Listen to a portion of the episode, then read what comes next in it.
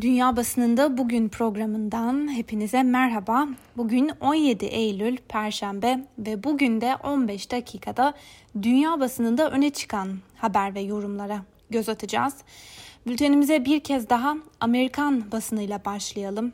Bugün Amerikan basınında sıkça karşımıza çıkan haberlerden birine göre ABD Başkanı Donald Trump koronavirüsü aşısının en az 100 milyon dozunun 2020 yılının sonuna kadar dağıtılabileceği tahmininde bulundu. Ancak Washington Post'un aktardığına göre Hastalıkları Kontrol ve Önleme Merkezleri Başkanı Robert Redfield aşıya erişiminin e, erişimin 2021'in ikinci çeyreğinin sonu ile üçüncü çeyreğinde olabileceğini söylemişti. Trump ise Redfield'ın bu açıklamasıyla ilgili olarak sanırım aklı karıştı ve soruyu yanlış anladı diye konuştu ve bu, bu bilginin yanlış olduğunu söyleyen Trump hiçbir koşul altında aşının dağıtımının e, Hastalıkları Kontrol ve Önleme Merkezi Başkanı'nın verdiği tarihe kadar gecikmeyeceğini söyledi. Bu arada New York Times gazetesi de aynı haberi şu başlıkla verdi. Aşı ve maske konusunda bilimi bir kez daha küçümsedi ABD Başkanı Donald Trump.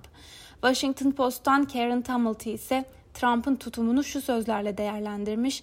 Anlaşılan Trump bilime değil sihir ve büyülere inanıyor.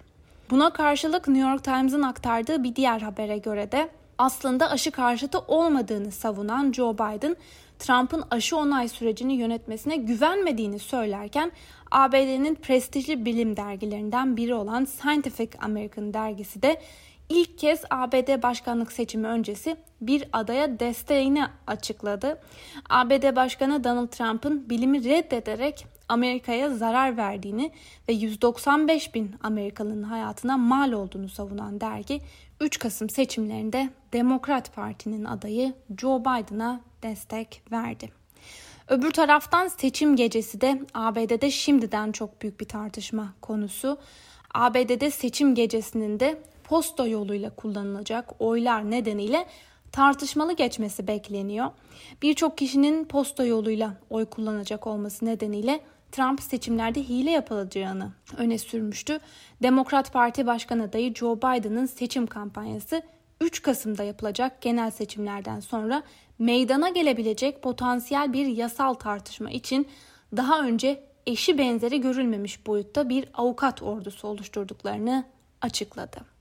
Washington Post'tan Henry Olson, Biden'ın seçim kampanyası ve takvimi epey pahalı gözüküyor yorumunu yaparken Helen Olan ise Trump yönetiminin kaosu her şeyi örtbas etmek için kullandıkları bir araç haline getirdiklerini yazmış. New York Times'ın gündem maddelerinden biri de iklim krizinin sonuçlarını net bir şekilde şahit olunan bu günlerde ABD'nin batı yakasındaki eyaletleri etkisi altına alan kasırga ve yangınlar son bir ayda en az 34 kişinin ölümüne sebep olan orman yangınlarının gelecek günlerde de sıcaklığın artmasıyla büyümeye devam edeceği beklenirken Sally kasırgası Amerika'nın Alabama kıyılarına da ulaştı.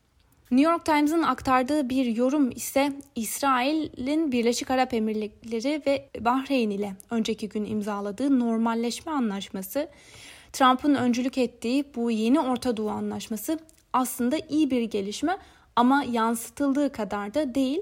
İsrail ile iki Arap devleti arasındaki ilişkilerin normalleşmesi için adım atılmış olması memnuniyet verici ancak bölgede barışa giden çok uzun bir yol var. Ve Amerikan basınından aktaracağımız son habere geçelim.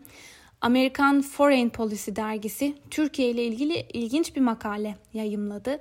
Dergi Türkiye'nin Çin'le ticaret ilişkilerinin nasıl geliştiğini kaleme alan Erdoğan Türkiye'yi Çin'in müşterisi olan bir devlete dönüştürüyor adlı makale yayımladı. Makalede Cumhurbaşkanı Recep Tayyip Erdoğan'ın eskiden Sincan'daki Müslüman Uygur Türklerine yönelik ağır insan hakları ihlalleri içeren politikaları nedeniyle Çin'i yüksek sesle eleştirdiği ve Türkiye'nin Uygur Türkleri için sığınılacak bir liman haline geldiği hatırlatılıyor. Foreign Policy Uygur Türkleri ile ilgili Türkiye'nin politikasındaki değişimi Türkiye'deki ekonomik krize bağlıyor ve makalede Ankara'nın geride kalan birkaç müttefikiyle birlikte Çin'den de medet umduğu ve bu sebeple Çin'in taleplerine uyum sağlamak durumunda kaldığı belirtiliyor.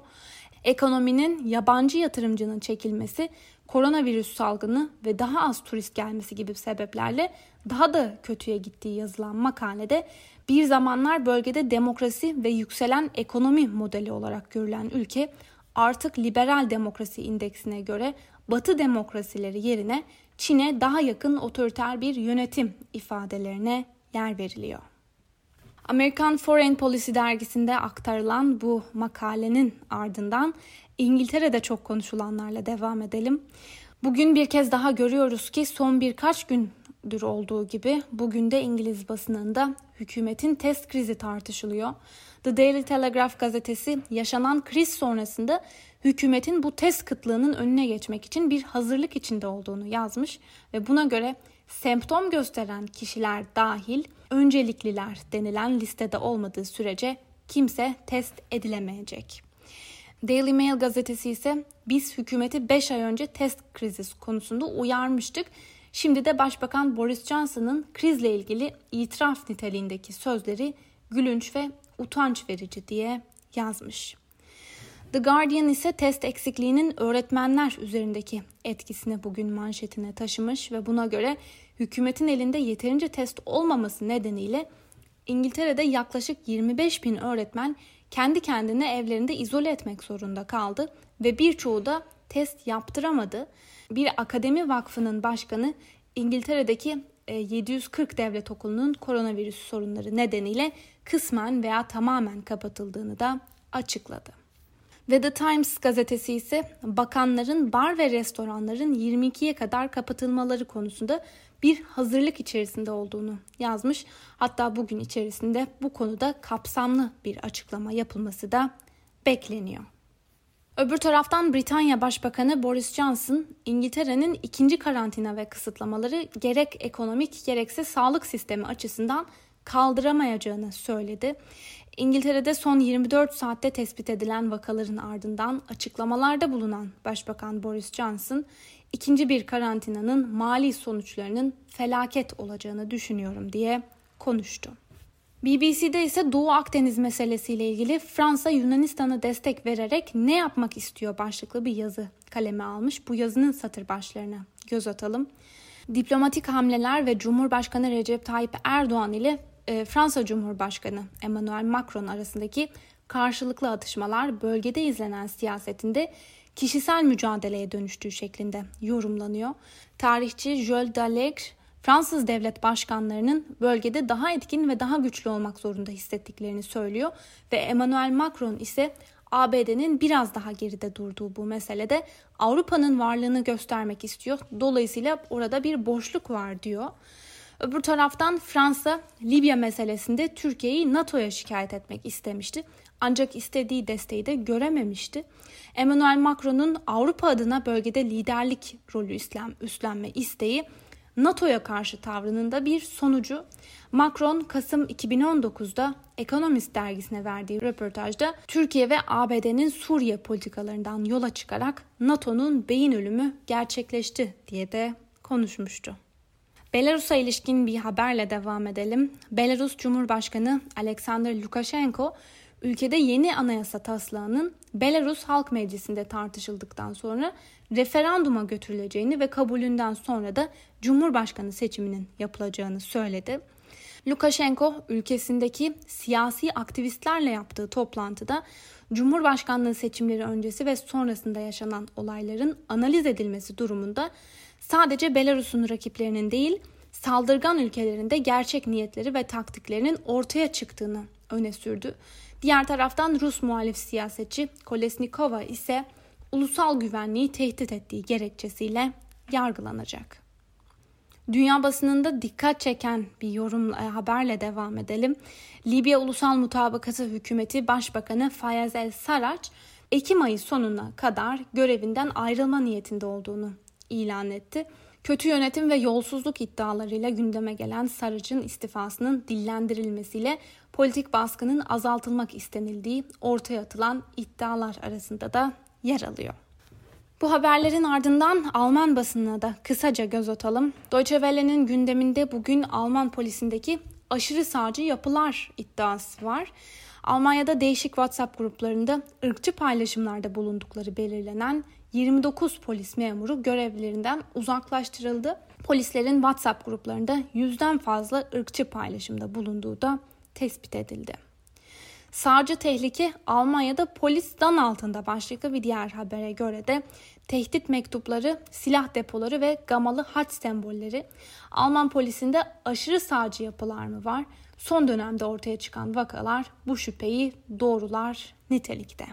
Öbür taraftan aşı çalışmalarına ilişkin aktarılan bir habere göre de Almanya'da salgın hastalıklar konusunda yetkili Robert Koch Enstitüsü değişik laboratuvarlarda sürdürülen aşı çalışmaları nedeniyle önümüzdeki yıl Almanya'da birden fazla sayıda aşının bulunmasını beklediklerini açıkladı. Bu haberin ardından Yunanistan'a ilişkin bir haberi sizlere aktaralım. Yunanistan'dan 10 milyar euroluk silahlanma açıklaması başlıklı habere göre Yunanistan Başbakanı Kyriakos Mitsotakis geçtiğimiz cumartesi günü ülke tarihinin en büyük silahlanma programlarından birini açıklamıştı ve Yunan Savunma Bakanı hafta sonunda açıklanan bu dev silahlanma programının 10 milyar euroya mal olacağı yönündeki iddialarla ilgili alışveriş çılgınlığı içinde değiliz ödemeler zamana yayılacak dedi ama net bir rakam vermedi. Öbür taraftan Yunan basınından Tanea gazetesi son olarak Doğu Akdeniz'de yaşanan gerilimle ilgili Türkiye'nin tutumunu şu sözlerle değerlendirmiş. Türkiye 24 ve 25 Eylül arasında düzenlenecek olan Avrupa Birliği zirvesinden çıkması muhtemelen yaptırımlardan kaçınmak istiyor. Ancak Türkiye yetkililerin çelişkili ifadesi hala şüphe sebebi. Son iki ayda yaşanan kriz bir stratejinin parçasıysa Türkiye eliyle provokasyonların tekrar artacağını söyleyebiliriz. Oruç Reis gemisi Erdoğan uzlaşmacı görünmek istediği sürece Antalya'da demirlenmiş halde bekleyecektir. Diyalog yolunun tahmin edilenden uzun olmasını öngörmekte hiç zor değil. Fransız Le Monde'un gündeminde bugün bir kez daha artışa geçen vaka sayıları var. Covid-19 salgınında vakalar dünya genelinde yeniden artışa geçmiş durumda ve Dünya Sağlık Örgütü uzun zamandır sonbaharda salgının daha da yayılacağı ve virüs sebebiyle yaşanacak ölümler açısından daha sert geçeceği açıklamasında bulunmuştu. Avrupa'da virüsün yayılma hızı yavaşlamazken yeniden önlemlerin sıkılaştırılması ve karantinalarda bir kez daha gündemde. İspanya'da yayımlanan El Pay gazetesinin gündeminde artan vakalarla beraber yaşanan bir kriz var. Buna göre Madrid bölgesel yönetimi sağlık alanındaki yetkililerin karantina önlemleri çağrısına karşı çıkıyorlar. Başbakana yakın kaynaklar hükümet kanadında karantina sürecine yönelik bir kararın henüz alınmadığını savunuyorlar. Ve bültenimizin sonuna doğru yaklaşırken Rusya'ya ilişkin iki yoruma göz atacağız. Eurotopics'in de bugün gündemine taşıdığı Rusya yerel seçimlerine dair iki farklı dikkat çeken yorum yapılmış. Rusya'da pazar günü yapılan yerel seçimlerde Kremlin'deki iktidar partisi Birleşik Rusya'dan aday olarak seçime giren tüm valiler yeniden seçilmiş olsa da partinin diğer adayları bazı yerlerde yenilgiyi tattılar. News Russia haber portalının yorumuna göre muhalefet Birleşik Rusya karşısında kazandıkları zaferle idari kurumlara girmeyi başardılar. Ancak taşı delen suyun gücü değil, damlaların sürekliliğidir. İşte bu önemli bir emsal vaka yorumunu yapıyor. Ancak bu yoruma karşın Alman Tagesspiegel gazetesinin yorumu ise tam tersine işaret ediyor. Putin'in partisi Birleşik Rusya'nın her yerde kazanamaması bir erimenin başladığına işaret etmiyor. Yalnızca Rusya'nın seçim sistemi buna müsaade ediyor. Bu sistem aynı zamanda Putin'in adaylarının şu anda olduğu gibi kontrollü bir şekilde seçimi kaybetmesi anlamına da geliyor. Rusya'da iktidar komşusu Belarus'ta olduğu gibi muhalif bir başkaldırıyı engellemek için buna imkan tanıyor.